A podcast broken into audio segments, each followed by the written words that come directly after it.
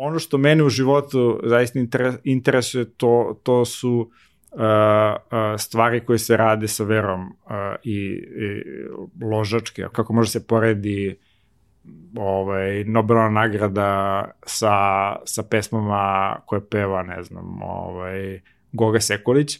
Za mene je potresno ako nekom to ne prija kao pojava, dakle, ako, ko ima problem da se, da se zbliži drugim ljudima, dakle, da makar i na taj jedan suštinski površan način. Dakle, mi danas živimo to u vremenu opet u kojem postoji jedan jako veliki pritisak da se to oslobodimo.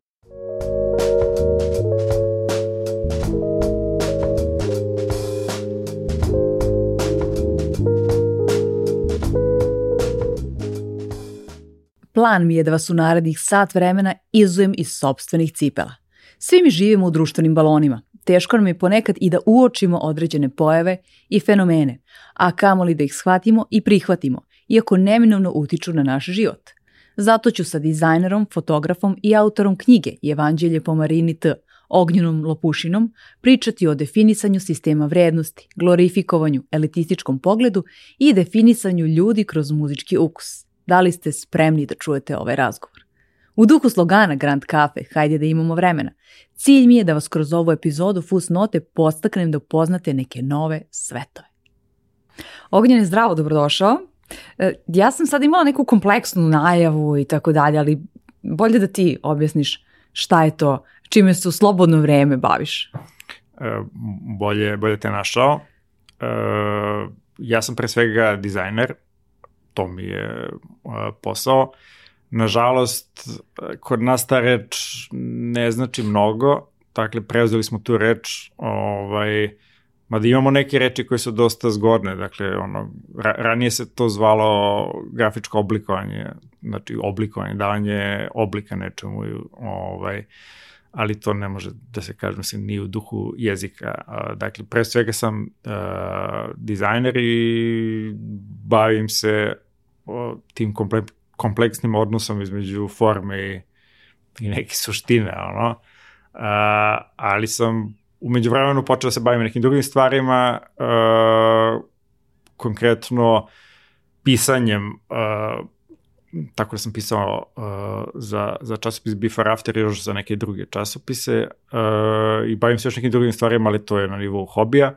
Ovaj, I u suštini čini mi se da sve što radim, sve čime se bavim, se i dalje bavi tim istim uh, promišljanjem šta je, šta je forma, šta je, šta je suština, da li su tu uopšte dve različite stvari ili neka jedna Mebiusova traka, ono koja čas je forma, čas je suština. Tako da u suštini mi se čini nekako da sve vreme radim jednu te istu stvar.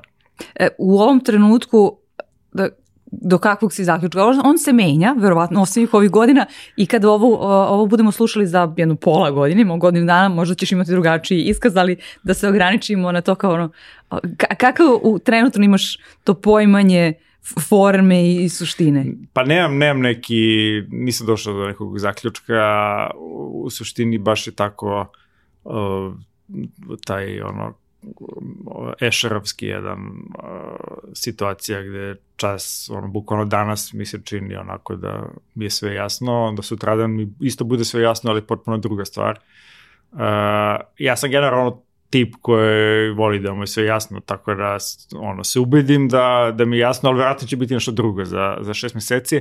Bar kad pričamo o nekim površnim stvarima, nadam se oko ovih glavnih, tu mislim, tu mi je sve jasno ovaj, već, već duže vrema i bit će mi jasno i za pola godina. Tako da, ali za ovih neke efemerne stvari, tu se menja situacija stalno, tako da ispreman sam na promenu. e, ti dosta promišljaš, hajde da kažemo, uh, narodnu muziku. I to je nekako, ako, ako možemo da kažemo, medijum tvojeg izražavanja, jer je mnogo širi nego, nego sama uh, muzika kao takva. I to je nekako povod tvog, tvog današnjeg gostovanja um, ovde. Uh, I kad kažeš pa to su neke, ti to objašnjaš onako kao nonšalantno, pa to su neke teme o kojima se diskutuju o kafani, jer su to onda teške teme ili lake teme? To su, to su glavne teme, najvažnije teme. Uh, dakle, sve ono što možemo da zamislimo kao temu neke slavske, slavske rasprave. To je svakako moj domen, dakle ta neka rasprava, sad je Sveti Nikola, pa ovaj, dakle neki ovaj, pozni ovaj, razgovori posle sarma i posle svega sa, sa već dosta alkohola. Um, to su teme koje prosto integriraju, ne integriraju sve, ali najveći, najveću količinu ljudi. Dakle, to je neka ta raskrsnica gde se ovaj, uh, susreću geopolitika, uh, umetnost, uh, i to neka suštinska pitanja o, o tome ko smo, gde smo i gde idemo. Ovaj, I u suštini ja, kao što si rekla, ja sam pisao najviše na temu narodne muzike, ali sam u suštini i na ostale teme na kojima sam, o kojima sam pisao trudio da budem na toj raskrsnici uvek, dakle da, da, da se uvek bavim suštinskim stvarima, bez obzira, mislim, ono čime ja smatram da su suštinske, suštinske stvari, bez obzira šta je nominalni povod, dakle da li pišem o softveru ili o kuvanju ili o, o narodnoj muzici. Ono što je učinilo da, da, da, da mi ti tako na, najaviš, mislim, što mislim da je, da je skroz okej, okay, je činjenica da druge ljude ispostavio se da to takođe najviše zanima. Dakle, manje ih malo zanima kuvanje, još manje ih zanima software. Tako da sam ja onda nekako svesno izabrao da, da, da više pišem u tom pravcu, zato što i sam i sam nekako uvideo da mi je verovatno lakše da tu nađem tu vrstu smisla i tu vrstu značaja nego kada pišem o ne znam, o nekom softveru koji se pojavio ili već Da, softver čini mi se da, da, da onako stavljaju po strani, zato što ne može se baš u nekom, u nekom skupu povesti te teme, jer dobar deo ljudi ne razume suštinu ove, i toga i šta je ono što, što sve a, se krije u pozdini, a s druge strane imamo opet dopuštenje da uglavnom kuva i priprema ko šta hoće i na koji način hoće. Da, Nisu pa, to tolike muške teme, hajde, tako ti kažem, bez namere pa da generalizujem. Da, to se menja, to, to, to mislim da dosta se promenilo, generalno što se ku, kuvarstva tiče, mislim da, da to se onako umeđu vremenu nametnulo baš kao jedno epicentralna tema.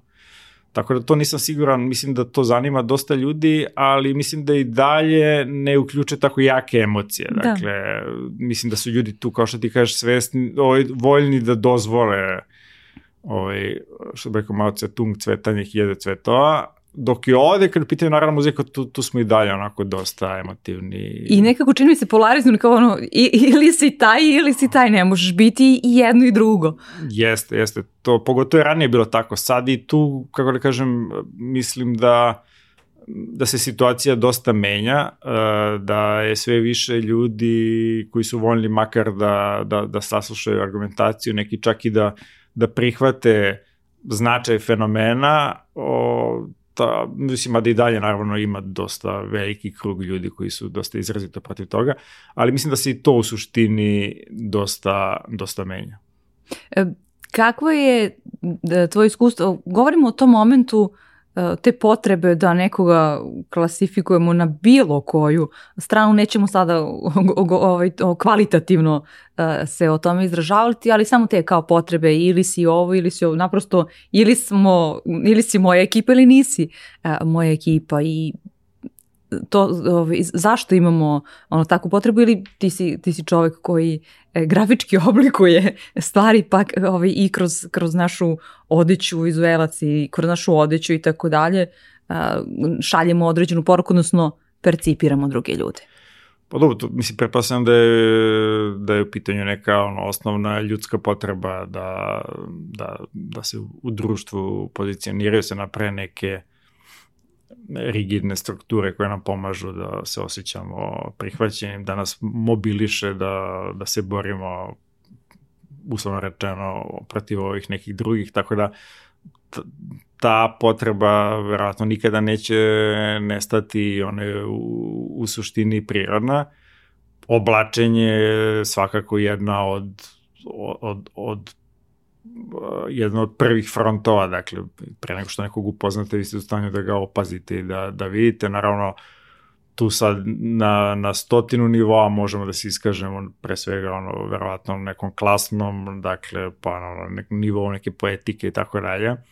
I to su isto stvari koje su neizbežne. E,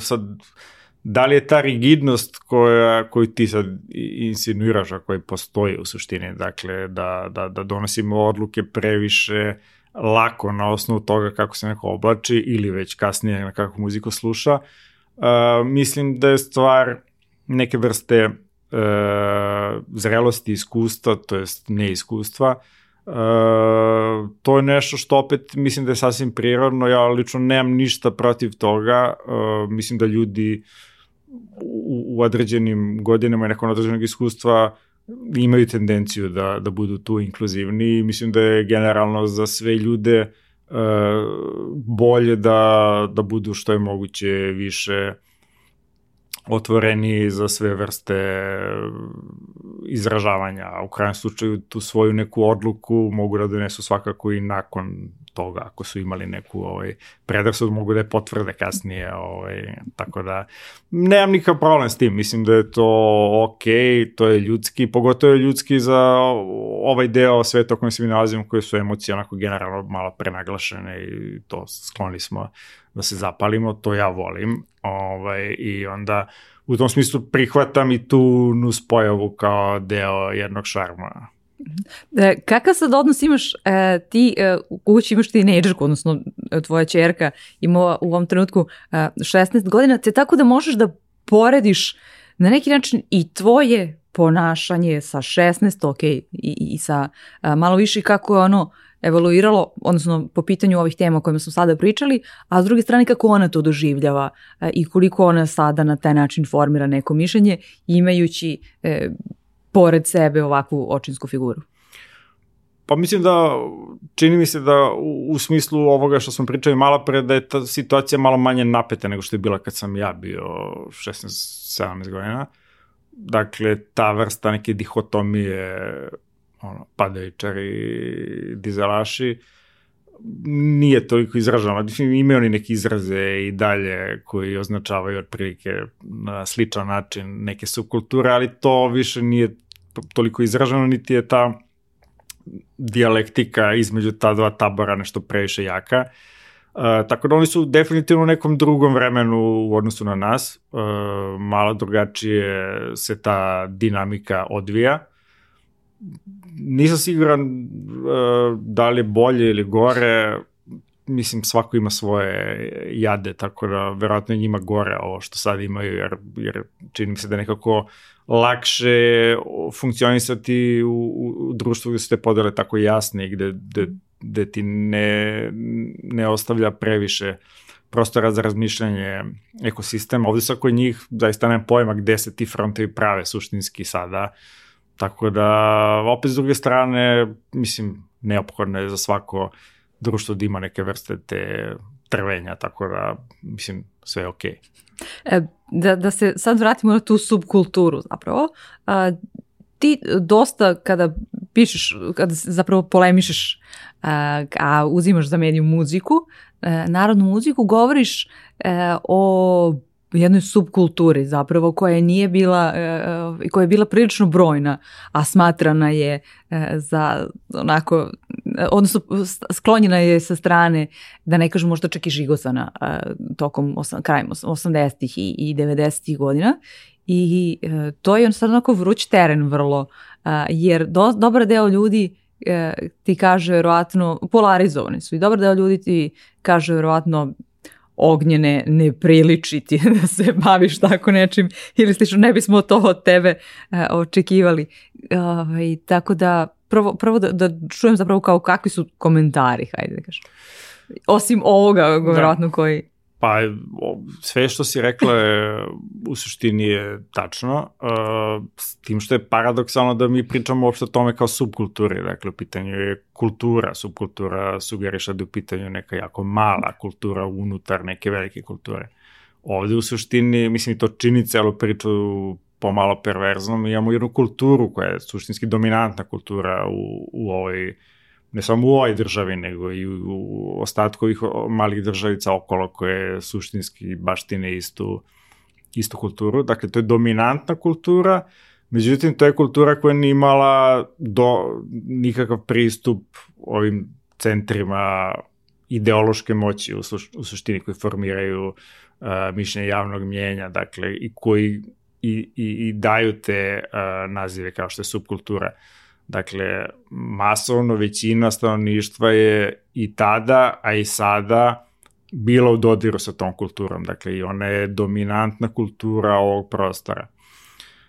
Naše društvo je međuvremeno pokušalo da i pokušava i dalje, verovatno, na neki način da napravi jednu drugu kulturu, dakle, koja je neka kultura, uh, ako možeš tako živi, na centralno evropska kultura koja prosto ima baštini neke druge vrednosti, koja uključuje narodnu muziku samo u nekoj, uh, nekom domenu folklora i u suštini obe te dve kulture mislim da se pravo mogu se zovu kulture. Sad, zašto je to došlo, zašto je došlo do tog uh, položaja o kojem pričamo, je dosta kompleksna stvar Dakle, najveći razlog je, čini mi se, nevoljnost državnog aparata da od toga napravi kulturu, dakle, da, da, ovaj, da, da propiše, da ga uključi na neki način u mainstream. Mislim da se situacija umeđu vremenu malo promenila, da to nije više tako na nivou, ali s druge strane i muzika se umeđu vremenu promenila, tako da ono što mi danas imamo u tom domenu narodne muzike zaista više ni formalno nema gotovo nikakve veze sa, sa muzikom od pre 20 ili 30 godina.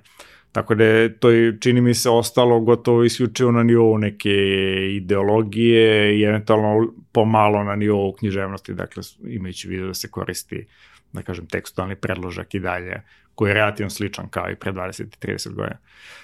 Tako da, e, moja moje interesovanje i moja aktivnost je najviše usmerena ka tome da tu vrstu kulture, da i dam neku vrstu ona, prokrvljenosti, da ona prosto može da evoluira dalje, da, da, da omogući danas ljudima koji nisu slušali tada muziku da je slušaju i razumeju na jedan način, s druge strane ljudima koji su i tad slušali da razumeju na jedan dodatni način, uh, i prepostavljam i ljudima koji nikad nisu slušali da otvore ono, par receptora da budu u stanju da, da razumeju makar neke elementarne stvari. E, šta je to, ti koliko već godina istražuješ zapravo na aktiv, aktivnije ovaj, Pa ako pričamo o pisanju, da. istražujem već no, puno godina, a ako pričamo o pisanju, dakle u prethodnih čini se 7-8 godina. Dobro, tada si zapravo s, uh, strukturirao sve svoje pređušnje misli i istraživanje poslednjih sedam godina. Jeste, da. Da kažem, poslednjih, da, 7-8 godina traje ta vrsta pretakanja iz nekog ličnog nesvesnog u, u, u neku, nešto lično polosvesno, dakle, ono, mislim što je opet isto jedno vrlo, generalno kod svakog pisanja, kompleksna jedna stvar, dakle, kako da iz, iz nečega što je intuitivno, što je najvećim delom u nečemu što je, ne znam, ili svesno, polusvesno ili nesvesno, da to pretočite u neke reči, što naravno uvek zvuči bez izuzetka dosta siromašno i, mislim, ja kad pročitam ono što sam pisao, ako sam zadovoljan u suštini kako je ispalo, to zaista nije ni 15. deo onoga, recimo, ako pričamo o, o, juče sam slušao, recimo, Šabana Šaulića, I kada pročitam ovaj tekst koji, sa kojim sam jako zadovoljan, koji sam pisao, to je bukvalno desetina onoga što ja osjećam dok se uh, ta muzika svirali. To je prosto, kako da kažem, specifično za, za, za, za pisanje. Niste u stanju da to pretoči, ili bar ja svakako nisam u stanju. Uh, tako da, eto da, 7-8 godina taj to pretakanje bukvalno da, da bih mogao u krajnjem slučaju, pošto ne mogu sa svima da sednem i da porazgovaram, za sve ljude ono, koji su zainteresovani da na tom pitanju nešto rade, da postoji to prosto kao neka vrsta skripte ovaj, kako sam ja razmišljao na tu temu.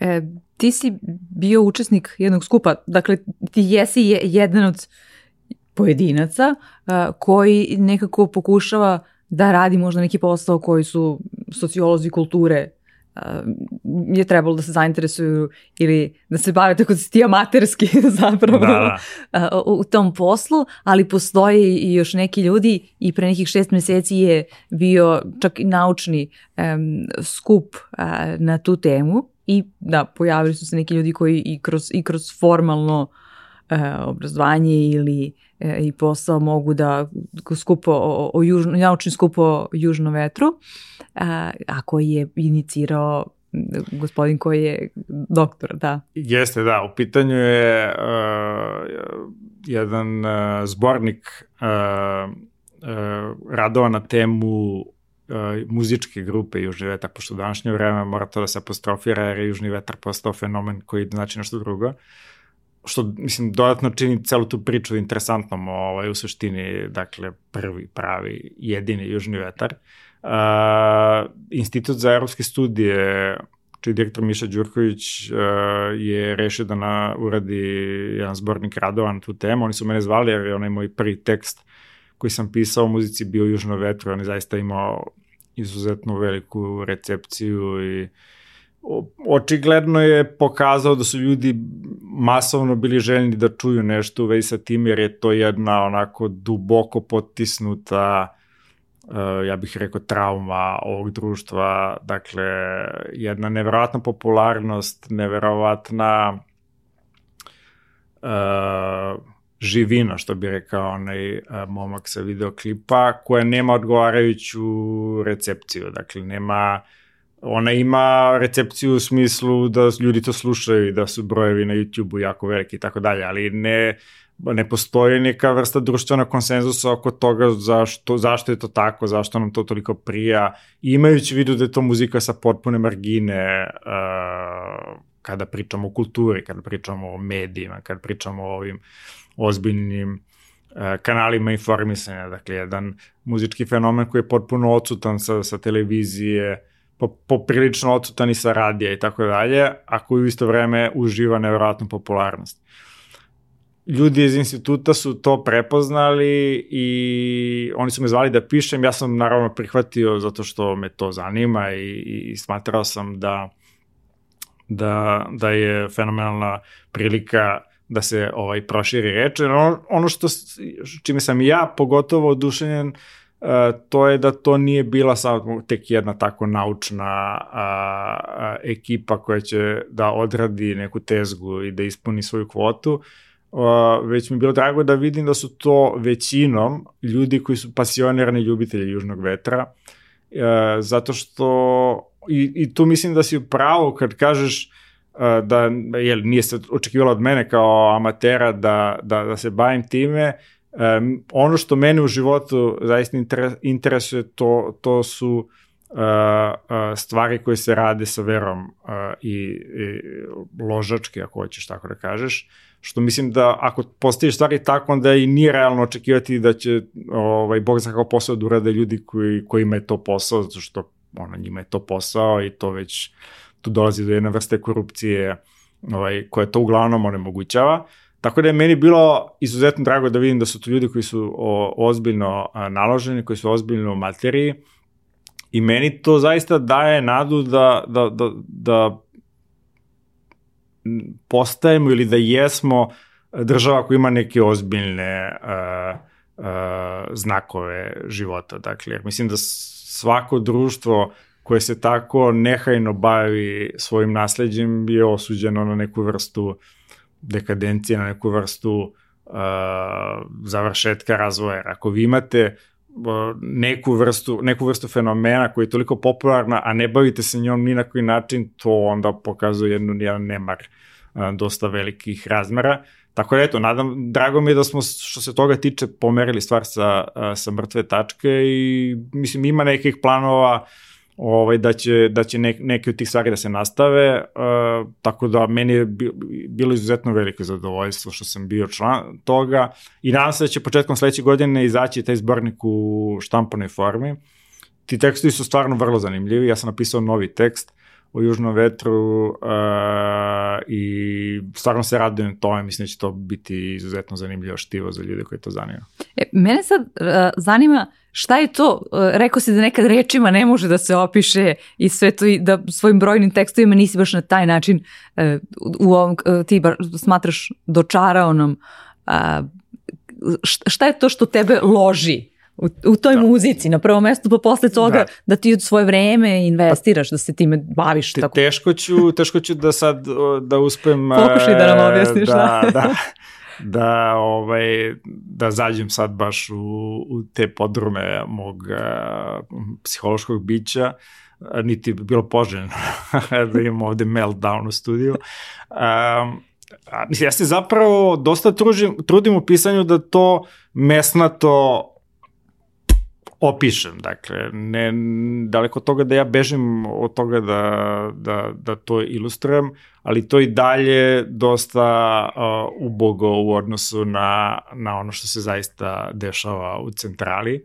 Uh, a sad šta, uh, ako bi morao ovako da sažmem, Zaista mislim da je u pitanju uh, jedan, ja ne znam ono kako ide, ono, to je neki optički kabel, dakle ono najvećeg razmera, kroz kojeg ide, dakle, cela jedna sila svesnih i besvesnih, polusvesnih e, prarojiteljskih nekih grehova i nekih e, ushićenja a, koja prosto e, kuljaju kroz mene, I ja mislim da tu nisam ja nešto jedinstven po tom pitanju. Čini mi se, opet to je bio i deo o, mog istraživačkog rada, pre nego što sam počeo da pišem. Dakle, u onom posmatranju kako se ljudi ponašaju kada slušaju narodnu muziku, što ja mislim da svako od nas može da posvedoči ono ko je bio nekada na na svadbi ili na nekom veselju gde se, se pušta ili svira narodna muzika,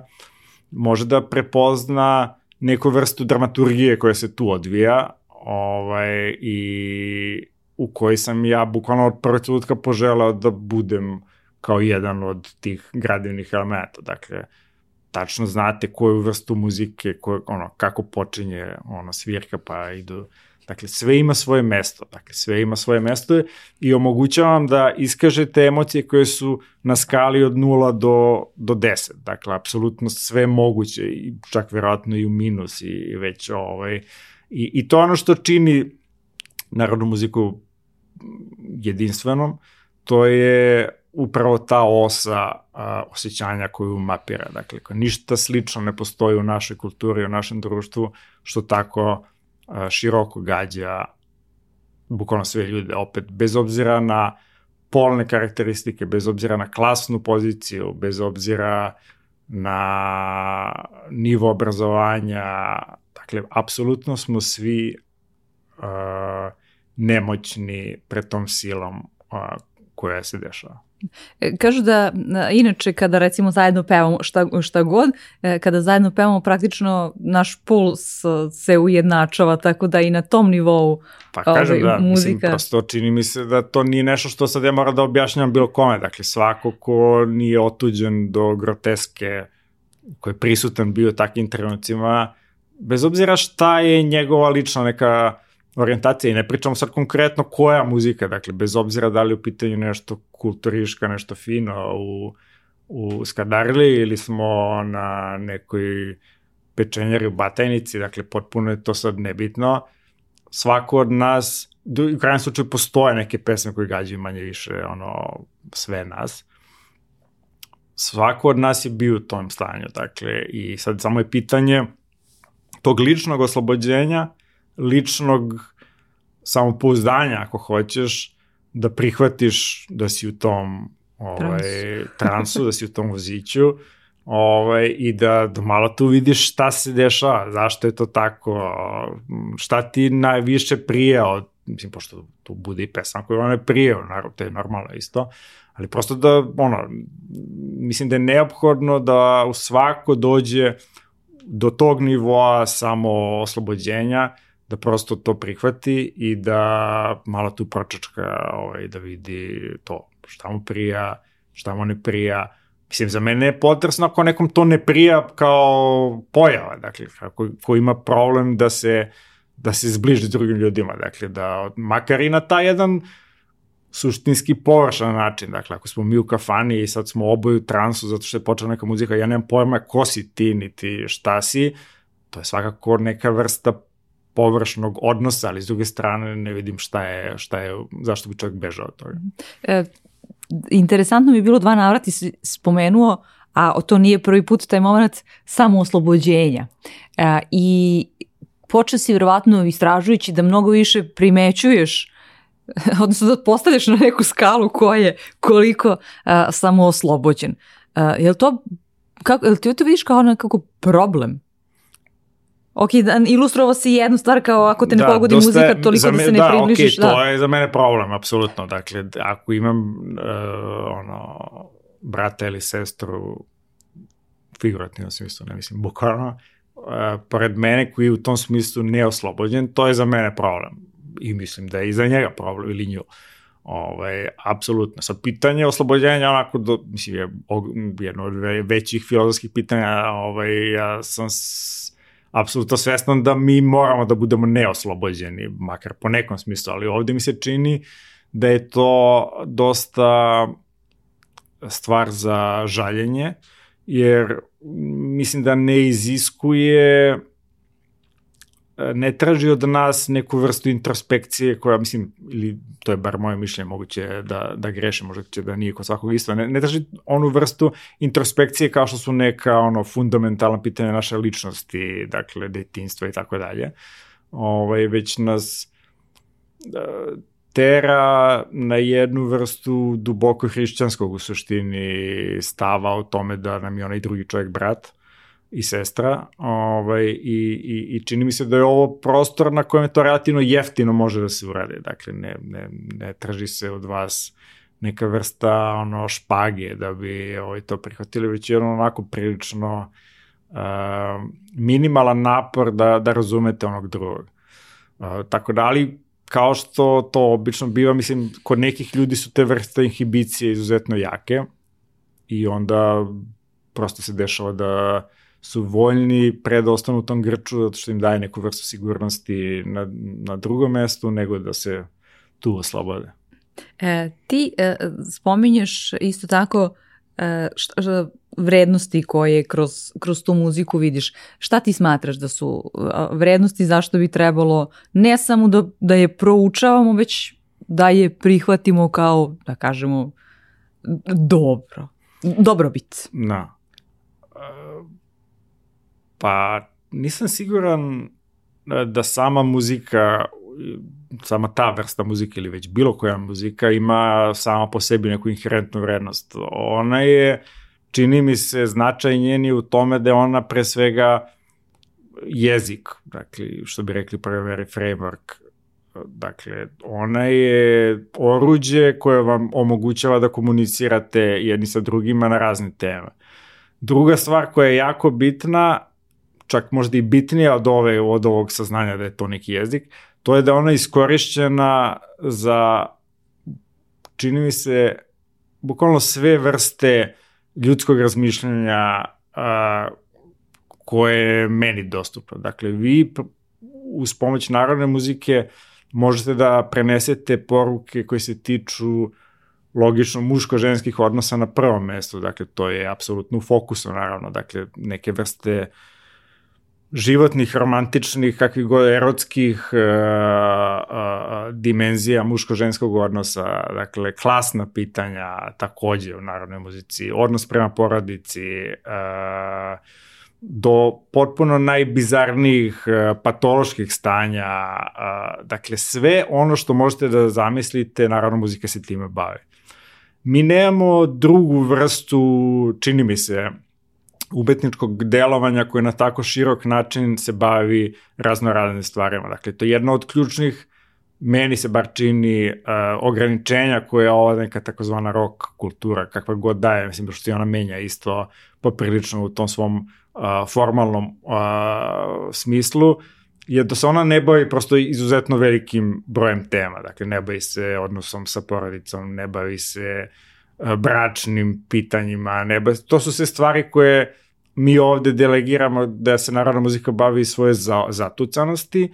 S druge strane imamo inflaciju danas uh, i, i, i mislim kad kažem inflaciju, možda loš iz, ovaj, izbor rečen zvuči loše, ali imamo jako veliki broj uh, uh, recimo podcasta, emisije, tako da koji se bave psihičkim zdravljem, uh, partnerskim odnosima i tako da, znači to je def, definitivno nešto što nas interesuje i logično da nas interesuje, ali prosto vi niste imali uh, u, u ovoj, da kažem, dominantnoj kulturi nikoga ko se time bave ili bar ne na način koji je i ole razumljiv bilo kome, dakle, uopšte se ne tretira to pitanje. Uh, tako da u tom smislu mislim da je najvažnija, uh, najveći značaj narodne muzike što omogućava kanal za komunikaciju i drugo, već ne znam, stotina, stotinu godina minimum se bavi temama koji su životnog značaja za sve ljude. E, pa da, u, u u korenu naziva kao ono, narodna muzika, odnosno ako vratimo nekada na narodnu poeziju i tako da. dalje, e, se, su se prenosile stvari koje e, se tiču većine e, ljudi. E sad, da, mogla bih se složiti i biti saglasna sa tobom u kontekstu toga da neke druge vrste muzike se obraćaju užem broju ljudi i pripremajući se jeli, za ovaj razgovor nisam imala uopšte E, na umu, ne znam, ili takve podatke ili tako dalje, ja sam nešto malo mlađa.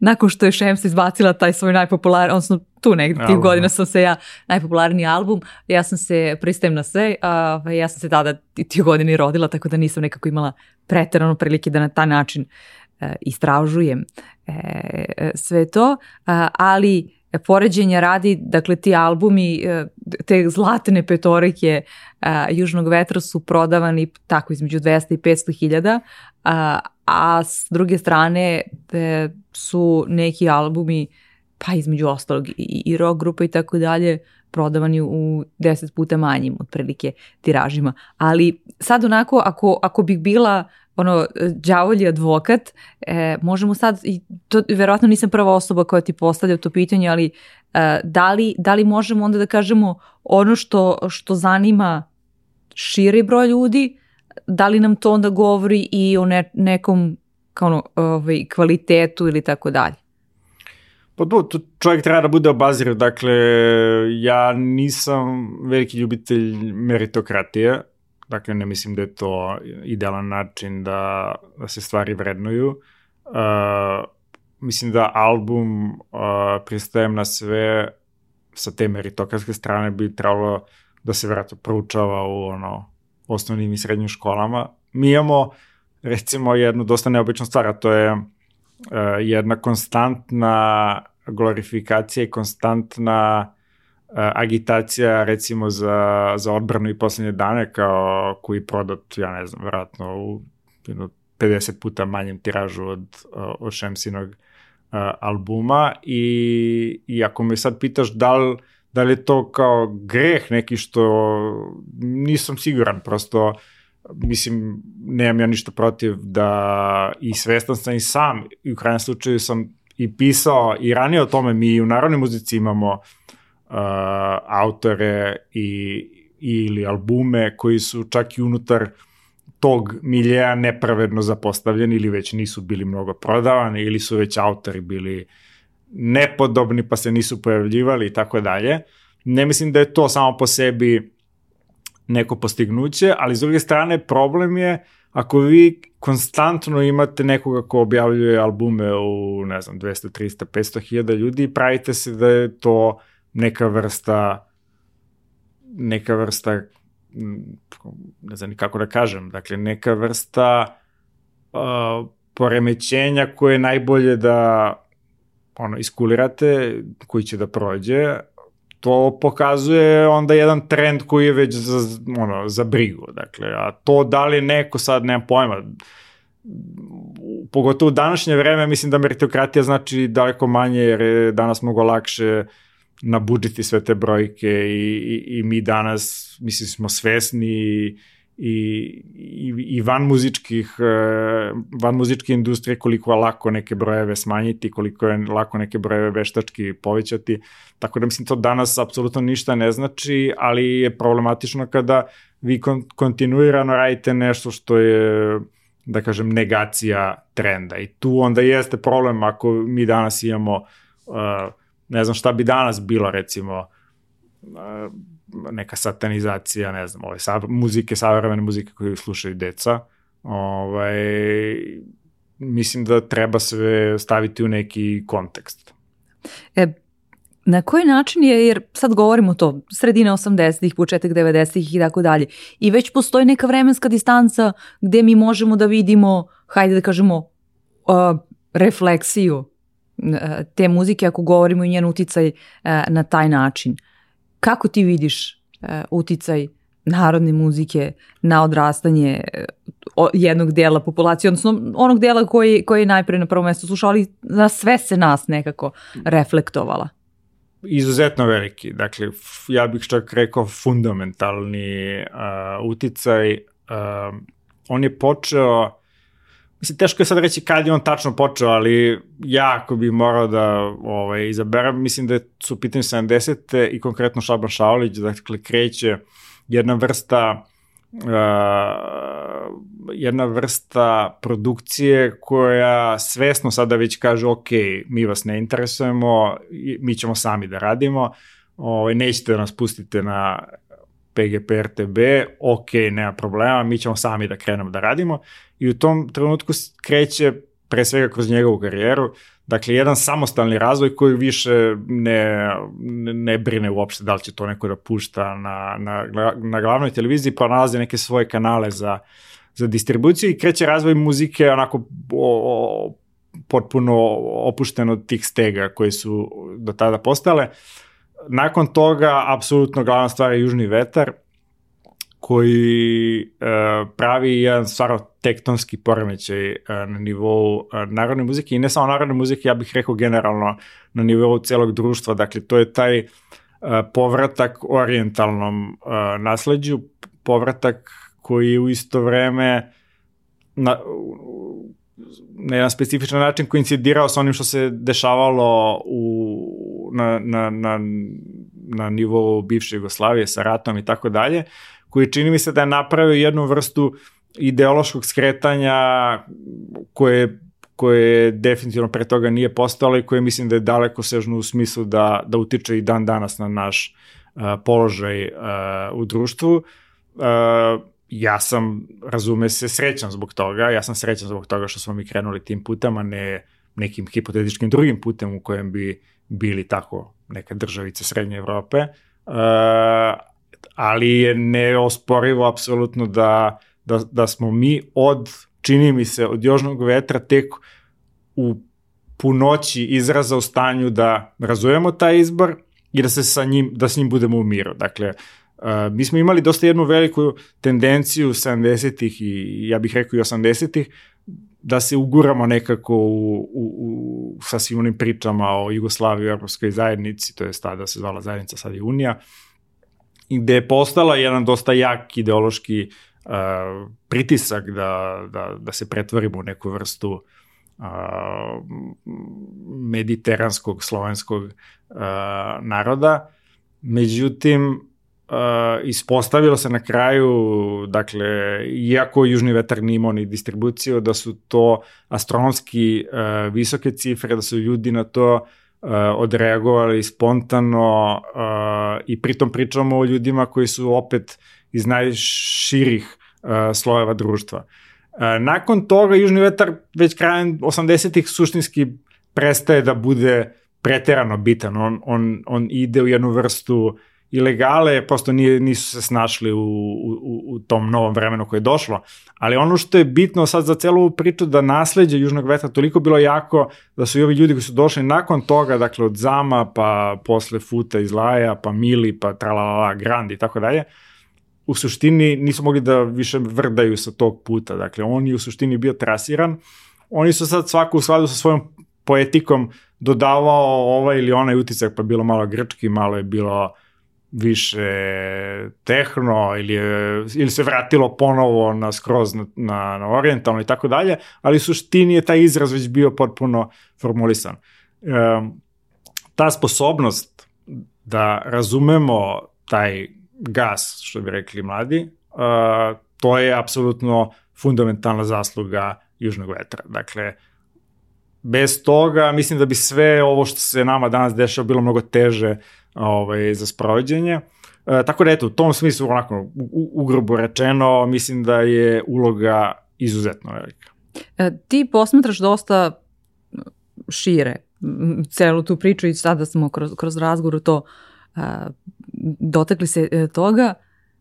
Šta ti se uzimaš kao komponent, u, u kojim sve oblastima si ti onda uh, amater, hajde tako da kažemo, nećemo da, da, da se odajemo za nešto što, što nismo, ove, ali e, bez ikakvog ni podaštavanja tvog e, znanja i poznavanja e, tih oblasti, ali proučavajući ovaj, da kažemo, jedan fenomen, iz kojih sve e, oblasti si, si ti prikupio i faktografiju i iskustva i slično?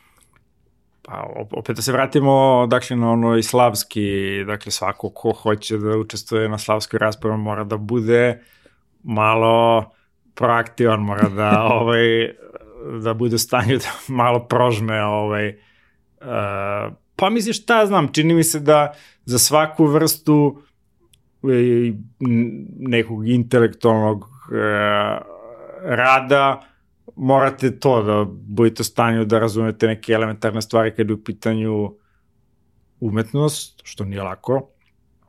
Ne zato što, zato što je prosto jedna nehvatljiva stvar, ne, nije baš tako, nema nekog egzaktno, kažem, da se pročitajte dve knjige, vi ćete to da razumete, ali prosto morate imati neko interesovanje. Politika mora da se zna, mislim, zato što nam ona svima utiče na živote i čini mi se da neke elementarne stvari svako mora da zna Druga stvar je iz tog nekog javnog, uh, popularno-psihološkog, popularno ono, sociološkog i tako dalje, iz te sfere. Mislim da to sve stvari koje se izuzetno prepliću. I tu negde treba tražiti taj prostor u kojem čovek treba da validira ili invalidira ono, neke ideje.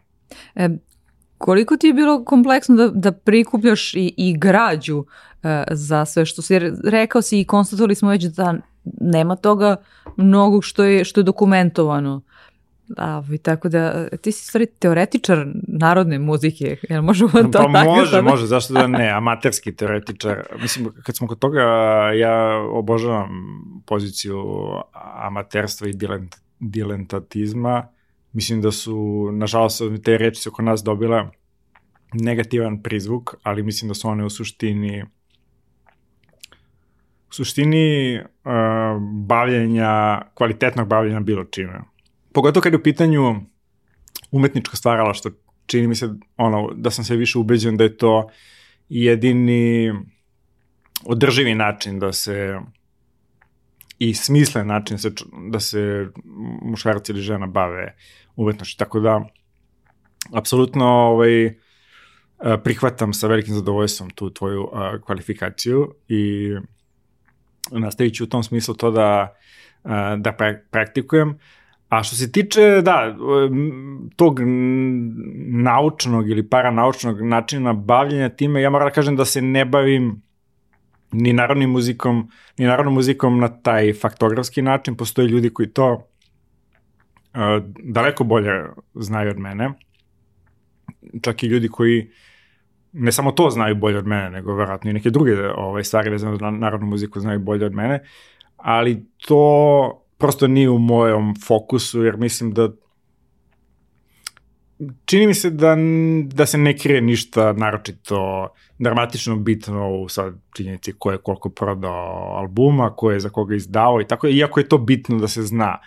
I mislim da će u ovom zborniku južnovetarskom biti ceo jedan članak, to je tekst, rad jedan koji se bavi baš time. I mislim da je značajno za sam zbornik da i to postoji. Ali prosto mene više interesuju ove neke stvari koje su to u ovaj, u... Narodno predanje. pa da, ono, praktično, praktično u smislu, mm. bukvalno to, kako je da se ponašam kad sad dođe, u, uđe ovde orkestar i zna da, ovaj, dakle... Što... I kako bi se ponašao? Dobro, znamo kako bi se ti, sad već možemo da pretpostavimo, ali... Pa ne, ne I...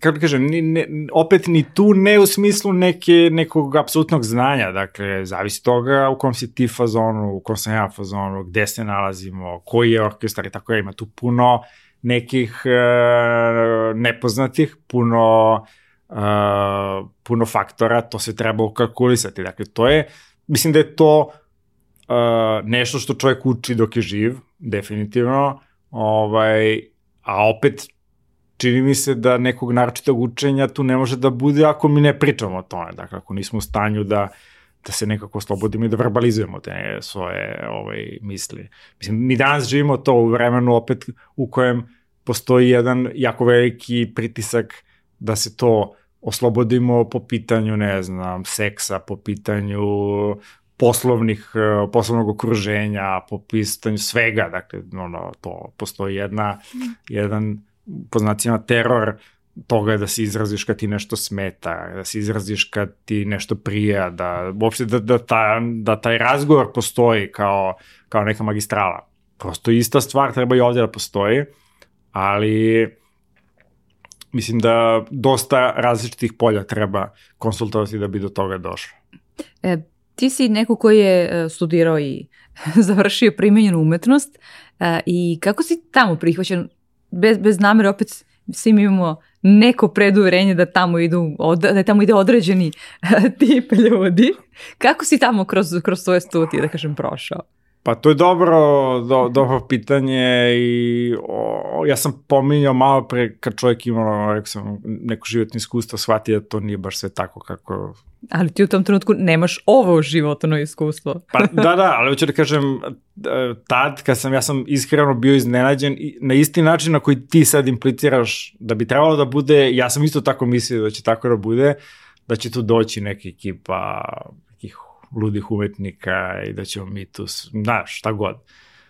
E onda se ispostavilo naravno da je to verovatno identična ekipa kao što je i na fonu, kao što je i na defektologiji, na francuskom, engleskom, nebitno, bilo gde, potpuno ista ekipa ljudi u kojih već u prvoj godini vidiš da pola je greškom tu došlo, da neće to nikada raditi, da uopšte nisu ljudi iz tog, a i od ove druge poline koje hoće, opet imate potpuno različite uh, karaktere i tako dalje.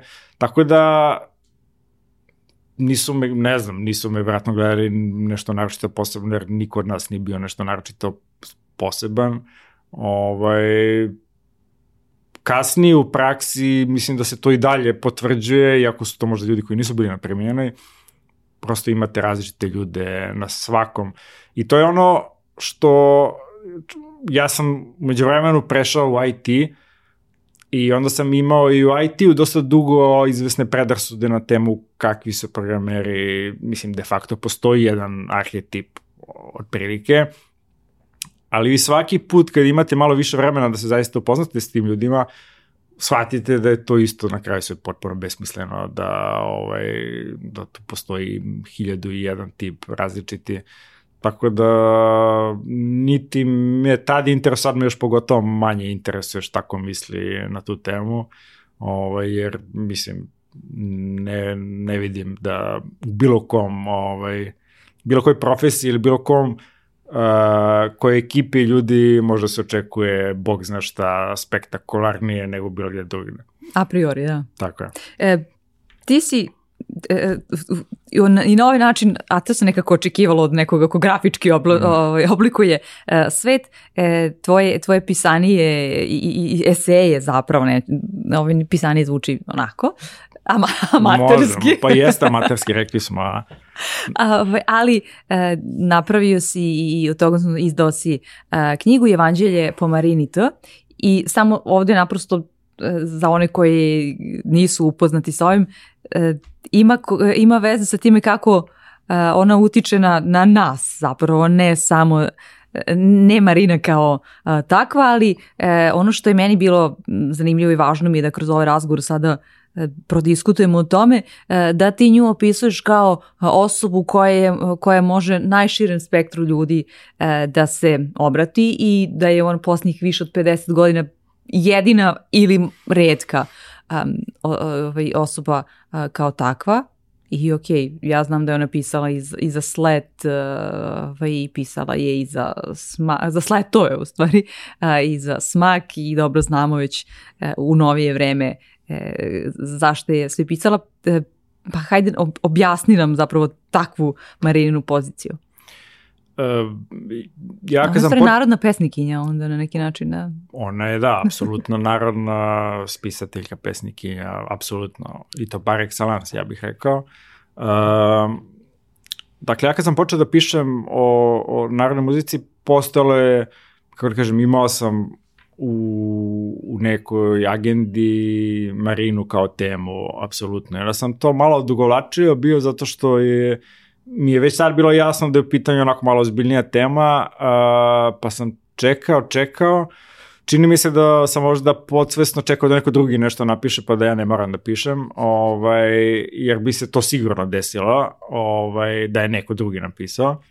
I onda je prolazilo vreme i onda, ok, u jednom trenutku sam skapirao, ok, verovatno neće niko ništa uskoro napisati, ovaj, daj da počnem da pišem, to je bilo pre sada već tri godine, čini mi se. Uh, I, i shvatio sam da je prosto njen slučaj uh, možda i naj prilika za mene da napišem nešto što će gađati najveći broj ljudi, jer mislim sve ove ostale teme uglavnom isključe dobar deo. Dakle, napišete tekst o Šabon Šaoliću, možete računate 50% ljudi uopšte ne, ne želi to da čita. Dakle, prosto je vrlo je polari, polariza, ciska ličnosti. Iako imate... čini mi se on danas mnogo prihvatljiviji. Pa jeste, Njega imamo da, i na, ali... na javnom to... servisu, mislim, njegove pesme se već neko vreme... Jeste, da, rekao bih sa nekim ono, apostrofom, ali da, u suštini, ali za neku vrstu najšire čitalačke publike, pogotovo ako pričamo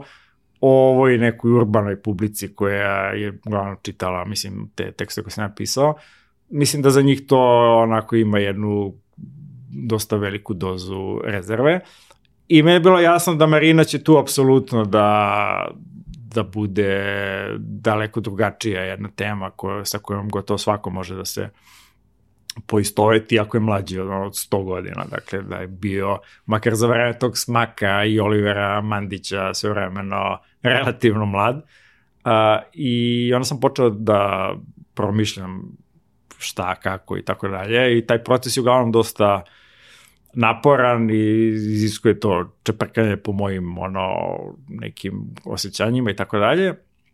I onda sam u suštini shvatio da, da ne želim da pišem o njoj, dakle o njenoj ličnosti, o tome šta je, ko je ona, šta je radila, jer bi to onda pretpostavio da mora da se bavi nekim istraživanjem i tako dalje. Drugo, mislim da je to sad nije u fokusu mog interesovanja, dakle ko je ona bila kao lik, naprosto niti sam znao do sada, mislim da je besmisleno da sad istražujem da bi tom, tome dodao neku vrstu sentimentalnosti. Uh, meni je fascinantno pre svega u kojoj meri smo svi mi u stanju da na svoj način razumemo ono što je ona htela da kaže, ako je ona to htela da kaže, naravno uopšte. Ovaj, I to mislim da je jedna fascinantna stvar kod umetnosti generalno, dakle u kojoj meri se umetničko delo samo razvija, ima neki svoj život koji ide od, od konzumenta do konzumenta i čini mi se da se to apsolutno desilo u, u slučaju Marine i, i našeg društva. Dakle, pojavljuje se jedna jedna recepcija njenog dela koja nastavlja da živi, koja sad ide i doživljava neku svoju amplifikaciju kroz protok vremena i kroz, i kroz nove stvari koje se snimaju. I sad, činilo mi se da u nekom trenutku sve to tako postoji među nama, ali nema apsolutno nikakve, nikakve zabeleške na tu temu. Dakle, svi nastupaju sa nekog tog intuitivnog intuitivne tačke da razumeju to što se priča. Ja razumem da ti razumeš i zajedno smo u tom razumevanju, ali je nekako nejasno šta mi to razumemo. Dakle, šta je to što... Dakle, tu ima raznih stvari od toga da smo, ne znam, ti i ja recimo bile zajedno tinejdžarke 90. godina, pa možemo da imamo neku vrstu takvog razumevanja, možemo da imamo neku vrstu ono, geopolitičkog razumevanja, mogli smo da budemo zaljubljeni par pa da imamo neku treću vrstu razumevanja i tako dalje i tako dalje. I to traje, dakle, 40 50 godina koliko je već trajalo. I ova knjiga se bavi time. Dakle, ja sam u sladu sa onim što pišem našao uglavnom ishodište u nekim raznim stvarima, pre svega u toj nekoj hrišćanskoj vrsti uh, hrišćanskoj vrsti ljubavi prema svome bližnjem, pogotovo kada pričamo o godinama u kojem sam ja naravno bio tinejdžer, kad sam se formirao, dakle 90-ima i kad je, kad je u suštini njena muzika bila naj, uh, najvažnija i naj, naj, najveću simboličnu vrednost. Ove, ovaj, tako da, uh, koga zanima da prečaprka po tim nekim ovaj, intimnim, uh, podsvesnim ili polusvesnim stvarima, mislim da će ova knjiga da bude jako zanimljiva, pogotovo što ne postoji druga, tako da ne možete da birate. Ovaj, što je posebna vrsta, ja bih rekao, posebna vrsta obskurnosti, dakle da mi imamo tako popularnu pesnikinju sa tako velikim delom koja, eto, osim moje knjige, ja ne znam da postoji neka vrsta malog tekstića, dakle, koja kaže, eto, ja ovo volim zato što to i to, ili već nešto, makar na tom nivou. E, ovaj, dva, dva primjerka knjige ćemo da poklonimo ljudima koji ovo ovaj razgovor prate na YouTube-u, tako da ti imaš sad ekskluzivnu priliku da kažeš kakvi su tu uslovi da odgovara na neko pitanje ili tako dalje. E, evo, uslovi su da kažu koje pet najboljih e, pesama to je tekstova Marine Tucaković. Prema njihovom ličnom tako mišljenju. Je, tako da. je, tako je. Znači u ovoj knjizi će ima, imati neki izbor od 100 koji sam ja ovaj, napravio, koji je onako više, kako da kažem, jedan somelijerski poduhvat da se predstavi ta širina, dakle, pre svega i hronolo, u hronološkom smislu, čini mi se da je prva pesma, ne znam, iz 70, ne znam, 4. 5. 6. Poslednje je iz 2020. recimo, ali Neposredno pre nego što je premijeno. Tako da. je, da. Uh, tako da tu ja sam svoj posao uradio, ovaj, mislim da ovi srećni dobitnici nek se iscimaju. Ovaj, Dobro, vidjet ćemo kako će da izgledati ta licitacija. da, skoro. da, da. ok, uh, pre izvesnog vremena uh, se... E, e, izvini, hvala ti, moram da kažem hvala na ovoj pohvali za dizajn. Dakle, moram samo da kažem vrlo kratko, ovaj, dakle, dakle, knjiga se zove Evanđelje po Marini T. Uh, naša ideja bila da prvo da ova knjiga bude malo pretenciozno, ali neka vrsta evanđelja, znači svedočenja nekog, neke ljubavi. Ove, I onda smo hteli da napravimo da izgleda kao neka vrsta srednjovekovnog uh, evanđelja. A, a i ti si uh, na neki način evanđelista, odnosno onaj ko Absolutno, prenosi... da, tako je, tako je. To je moja misija, da.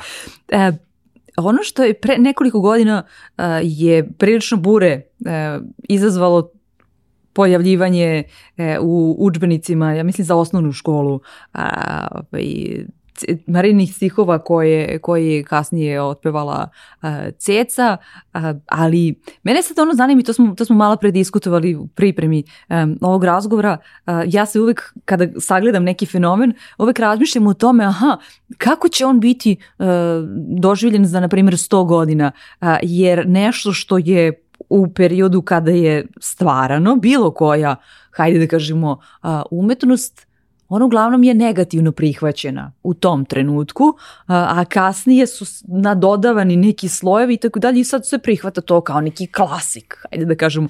To je možda i ovo evanđelje za nekih 50 godina bude klasik u lektirama. Pa, apsolutno, ja, ja se javljam sa 50 godina ranije ovaj, sa ovom idejom, dakle da je ono živi klasik. Ja sam, u suštini, ova knjiga počinje tako što ja pravim neku vrstu e, duhovno-hronološke transverzale, dakle, o, ja stavljam Marinu u ravan sa njenom braćom iz našeg iz naše istorije, dakle, ako možemo da pričamo o autorima koji su na sličan način široko gađali, po znacima navoda, um, čitalačku i slušalačku publiku, uh, Uh, ja bih pošao od, to jest ne bih, ja sam pošao, pošto u knjizi to pominje, uh, dakle od Njegoša koji je uh, po mom mišljenju na isti način pre skoro 200 godina uh, započeo tu vrstu tradicije, dakle jednog obraćanja najširim uh, slojevima ljudi, baveći se filozofskim temama i igricama koje su zaista vrh Dakle, e, ali danas znaš kad ti kažeš tvoje omiljeno čašu meda ište, ište čašu da. žuči ili ono tvrdi orah, voćko, čudnovati i tako dalje, ti si nekako intelektualac. Pa dobro, ali... mislim, da se razumemo, Njegoš je i tad bio intelektualac. Ne, ali hoću da kažem, kada danas citiraš Njegoša, ovaj, ne znam da li je u, u da to vreme to biti, koliko da. Da, da li će to biti tako, nisam ali, recimo, siguran. Znaš, kao, ovaj... nije monotonija što me noća subija ili nisam sigurna baš da li da. ona napisala tu pesmu, to je prvo što mi je palo na pamet. Jeste. Ovaj, ali kao, da, da li da li će, mi... Da li će, pa da, ja bih bio sklon da kažem da neće, a tu ima više faktora to jest neće dok god budemo imali ovaj ideološki aparat koji trenutno imamo, dakle dok se tu ne desi neka velika revolucija, što možda će se desiti, možda i neće, a ako se ne bude desilo, neće sigurno biti tako iz više razloga, ovaj, dakle zato što to prosto nije u skladu sa celim tim sistemom koji je napravljen, ali mislim da to ne treba mnogo da nas brine, mislim, mene lično ne brine da li će neka zvanična institucija to da odobri, dakle meni je važno da li će organska recepcija u narodu biti takva. Dakle, dok god, kao što meni ne znači, meni je mnogo bitnije da tvrd orah bude ono, stvar koju možda pričaš sa prodavcem na pijaci, dakle, da obe razumete taj kod. Ovaj, nego da to bude neko, ono, neka definicija nekog naučnika. U svakom slučaju, znači, imali smo Njegoša, nakon toga čini mi se da smo imali Ivo Andrića kao kao nekoga ko um, definitivno nije dosegao taj nivo ovaj, taj nivo prožimanja kao njegoš, ali je napravio igrom slučaja jednu vrstu izleta u književnost koja je postala skoro svima bliska. Dakle, pogotovo danas mi imamo revalorizaciju njegovog dela u tom smislu da, znaš, svi znaju, dođe tako vreme kad, ono, Pametni pamećan začuti, bla, bla, i tako te neke, meni se čini onako opšte mestaške uh, teorije, ali koji su prosto primile su se, dakle, ta vrsta neke kvazi narodne mudrosti koju on definisao. Pa dobro, dosta imamo i Mešu Selimovića. Ne Ima, na taj da, ali nije, da. čini mi se da ovde zbog nekih ovih okolnosti, nagrade i tako dalje, da, da je nešto malo, ali ja da kažem, to je taj neki korpus koji je donekle doprao, ali vrlo ograničeno. Mislim, mi ako pričamo i citate iz Dereše smrt, mislim, ne znam koliko je ljudi zaista pročitao Dereše smrt, ne verujem da je više od ne znam, 5% stanovništva. Tako da je teško tu pričati o nekoj, ali ajde kažem da to se ispostavilo kao neka vrsta književnog uticaja koji je barabar sa, sa Njegoševskim, mada mislim nije naravno. Ovo je prva sledeća stvar koju ja mogu da kažem da, naravno neko će da kaže kako može se poredi ovaj, Nobelova nagrada sa, sa pesmama koje peva, ne znam, ovaj, Goga Sekulić, ona naravno ne može da se poredi u tom smislu, dakle, koga zanima da debatuje o, o Nobelovim nagradama i analizi koje dobije Nobel, neće moći ovde ništa da doprinese, ali s druge strane, to je, to je jedna materija na koju je odreagovalo izuzetno velika količina ljudi, pa čak i onih koji se nalaze u, u, i dan danas u, u literarnoj eliti ove zemlje. Tako da, ono što mene brine i ono, znati želja sam da vidim da li će biti, šta će biti sledeće. Znači, da li će biti ovaj način kako sam ga ja podelio, to je otprilike pauza na svakih 50 do 100 godina. Tako da vidjet ćemo, možda se zgušnjava vreme, možda bude bolje sad, ovaj, pa bude češće tih stvari, vidjet ćemo.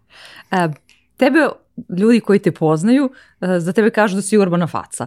E, oni koji nekako površno isprate nešto što si e, uradio i se nekako se dotaknu toga, onako stave znak upitnika kako, jer se ovaj čovjek malo sprda sa nama i da li pokušava na neki komičan način kroz šalu da nam proturi nešto. E, ti nisi pristalica toga, odnosno nisi zagovornik e, zapravo toga da je e, šala ta i, i, i ta oblanda kroz koju baš moramo e, sve da uvijemo i da treba da prihvatimo nekako tu sirovu emociju. I sirovu istinu možda. Da, pre svega nikome ne zove urbana faca, a kao drugo, da, to je jedna od ključnih... Ali se družiš sa nekim urbanim facama, to da, pa si... družim se s urbanim, to, to je tačno. Uh, pa jeste, to je jedna od... Uh, to je taj imidž koji si prikupio. ne, ne, htio sam da kažem. To, da, malo sam te zvezde prešine ovaj, da, da. dobio. Uh, da, humor i mesto humora u današnjem društvu zaista teško je preceniti.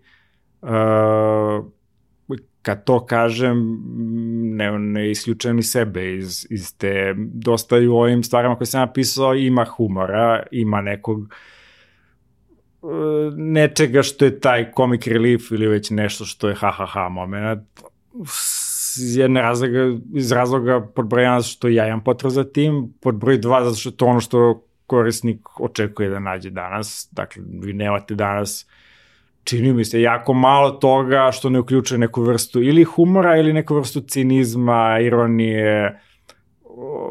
To je prosto, mislim da korisnici zaista nisu navikli na da ih kljukaju istinom. Ovaj, tako da, mislim, čini mi se da svako ko danas piše mora da vodi računa o tome. Dakle, mi živimo u vremenu kada je... Pošto si ti dizajner korisničkog iskustva i, i Tako je, u, pa u opet vremenu da, 9 do 5. vraćamo se, vraćamo se na oblikovanje. Dakle, kada oblikujete to što radite, morate voditi računa koja je ciljna grupa. Dakle, ko su ljudi kojim vi to pišete. Ako su ljudi koji ono, vole ono, mimove, vole da se šale, vole, da, mislim da svi volimo da se šalimo, naravno, ovaj, onda morate da vodite računa o tome, dakle, da, da za svakoga od njih bude po nešto što će oni da kažu ha ha ha, ovo je smešno. E sad, opasnost, ja bih rekao tome da se potpuno izgubite u toj memadžijskom ovaj, mikrokosmosu, koji meni ostavlja onako jalov jedan utisak, dakle jednog neoslobođenja, jedne, jednog kukavičluka i uh, straha da slučajno nešto, da ne budete, da ispadnete, da ste previše, ne znam, napaljeni, da niste dovoljno cool. Naravno, to je ono u suštini manje više ove naše humorističke kulture, a to je potreba da budete cool. Ovaj, tako da ja pokušavam E, ali da. ti sad recimo, izvini, prekinuću te ovde, ti sad mhm. recimo analiziraš Marinu kao nekoga ko se obraćao, o, do, do najvećeg broja ljudi je da. dosegao, a sa, sa druge strane e, nisi i ovaj, poštuješ uh, to, uh, odnosno podižeš na jedan viši pjedastal, da. a sa druge strane kažeš mm, mimovi nisu baš okej, okay, iako ne, mimovi pokušavaju ne, da dođu ne, ne, ne, do što šireg broja. Da mimovi nisu okej. Okay, ovaj. Nisi izabrao taj medij da dođeš do što većeg broja ljudi. Pa da, nisam okay, zato što ja nisam komičar, dakle, ne, ne, mislim, ili bar sam vrlo malo komičar, u nekom opet amaterskom smislu. Uh, čini mi se samo da i mimovi i, imaju svoju, svoju, svoje mesto, dakle, one su neka vrsta razbi brige i tako dalje, ali ako se svedete samo na razbi brigu, to vas prosto delegira onda u neki taj cirkuzanski milje, mislim što je okej, okay, ja nemam Ostane ništa protiv toga, ali to nije moja ambicija, dakle, i ja imam veliko poštovanje za sve ljude koji su u stanju da se nasmeju, ali na kraju kažu šta god da kažu nebitno potpora šta, ono, šta god, ako je ono neka vrsta uh, evanđelizma, evanđelizma, to je ono što mene zanima. Dakle, naravno, daj da se nasmejamo malo, super, ali ono, nešto komito i ozbiljno. Dakle, moraš da mi kažeš šta je ono, zašto se zalažeš. U suprotnom, ok, možeš da mi se pojaviš u feedu na Instagramu kao Majmunčić, ali to je to, nemamo tebe neka prelika očekivanja. Uh, naći sad to mesto kako da zadovoljiš jedno i drugo je naravno komplikovano i, i to je ono gde, gde ja ginem, dakle ono gde sad svako od nas u suštini, dakle pronalazi to kako da bude i smešno, a da u isto vreme ima neku da, da ne, ono, da bude neka vrsta, jer čini mi se opet da je beznačajno, humor se najčešće svodi na neku vrstu uh, prozivanja, na neku vrstu... O, Banalizacije možda i stereotipa, da. Pretpostavlja neku vrstu kritike, dakle vi se sprdate s nekim, uglavnom, mislim, to je najčešće. Ovaj, čini mi se da je to prosto kao doprinos čovečanski jako malo. Malo je to, malo će vas ono, ono, nasmeje i to je to. Mislim da jedini stvarno, jedina stvar koja je vredna truda, to je kreiranje neke dodatne vrednosti, znači tog evan, evanđelskog rada, bukvalno. Dakle, da izaberete nešto što vam se sviđa i da drugome to probate da približite. To je ono što me zanima i u tom smislu, ako humor treba se koristiti super, ali ne može skroz, jer onda nema ove... To je u stvari onaj prvi, e, prvi filter. To je glazura, ona, Tako, da. glazura oko leka, ovaj, koja, znači možete da pravite kao kafetin, da je grozno s polja, ali da pomaže, pravite neki ono glazirani, ovaj, razumeš, koji će lako da se polako otapa. I dosta sam još koristio tu farmakološku metaforu ovaj, u svojim tekstovima. E, ok, ti kažeš da nisi, da te ne, ne smatraju urbanom facom, ali ko si u suštini ti?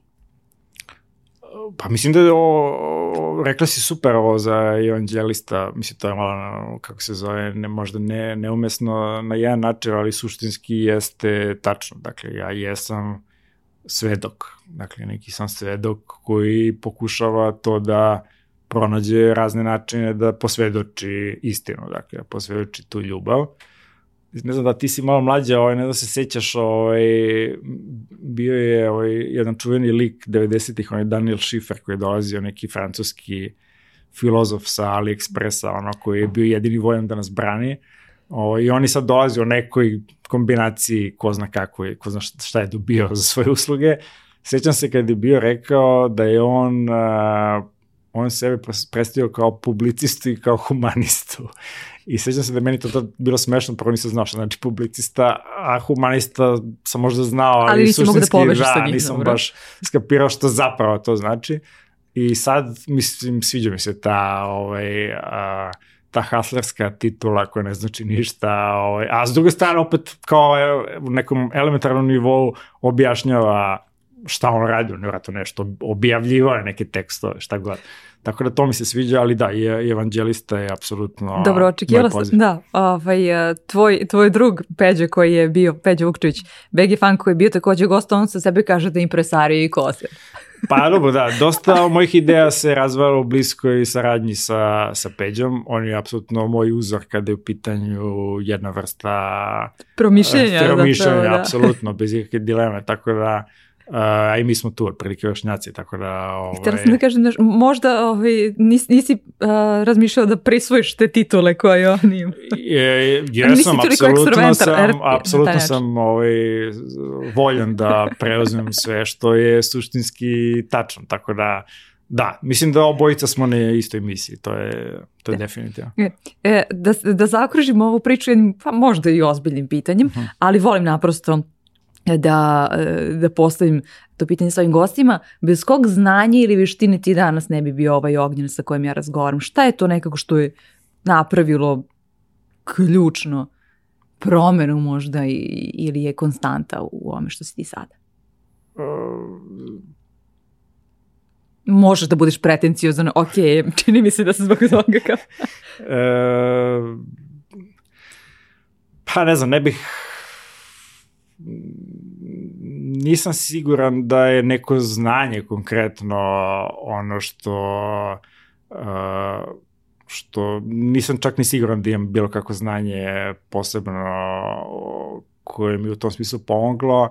Uh, mislim da mi je najviše pomogla uh, zaista nevjerojatno količina sreće koje sam u životu da upoznam ljude mislim da krenemo od onog hvala ti majko što si me rodila, što si sa ocem ljubav vodila, pa preko toga do upoznavanja svoje žene, svog, svojih kumova i, i svoje čerke, zašto da ne, i s njom sam se upoznao, uh, da je ta vrsta networkinga 98% bilo kakve aktivnosti. Dakle, sve ostalo možete naučite za, za mesec dana ako niste baš, kako da kažem, ozbiljno na neki način sprečeni da učite, ovaj, dakle, ništa sve ostalo je prilično efemerno. Da. Hvala ti na ovom razgovoru. Hvala tebi. Da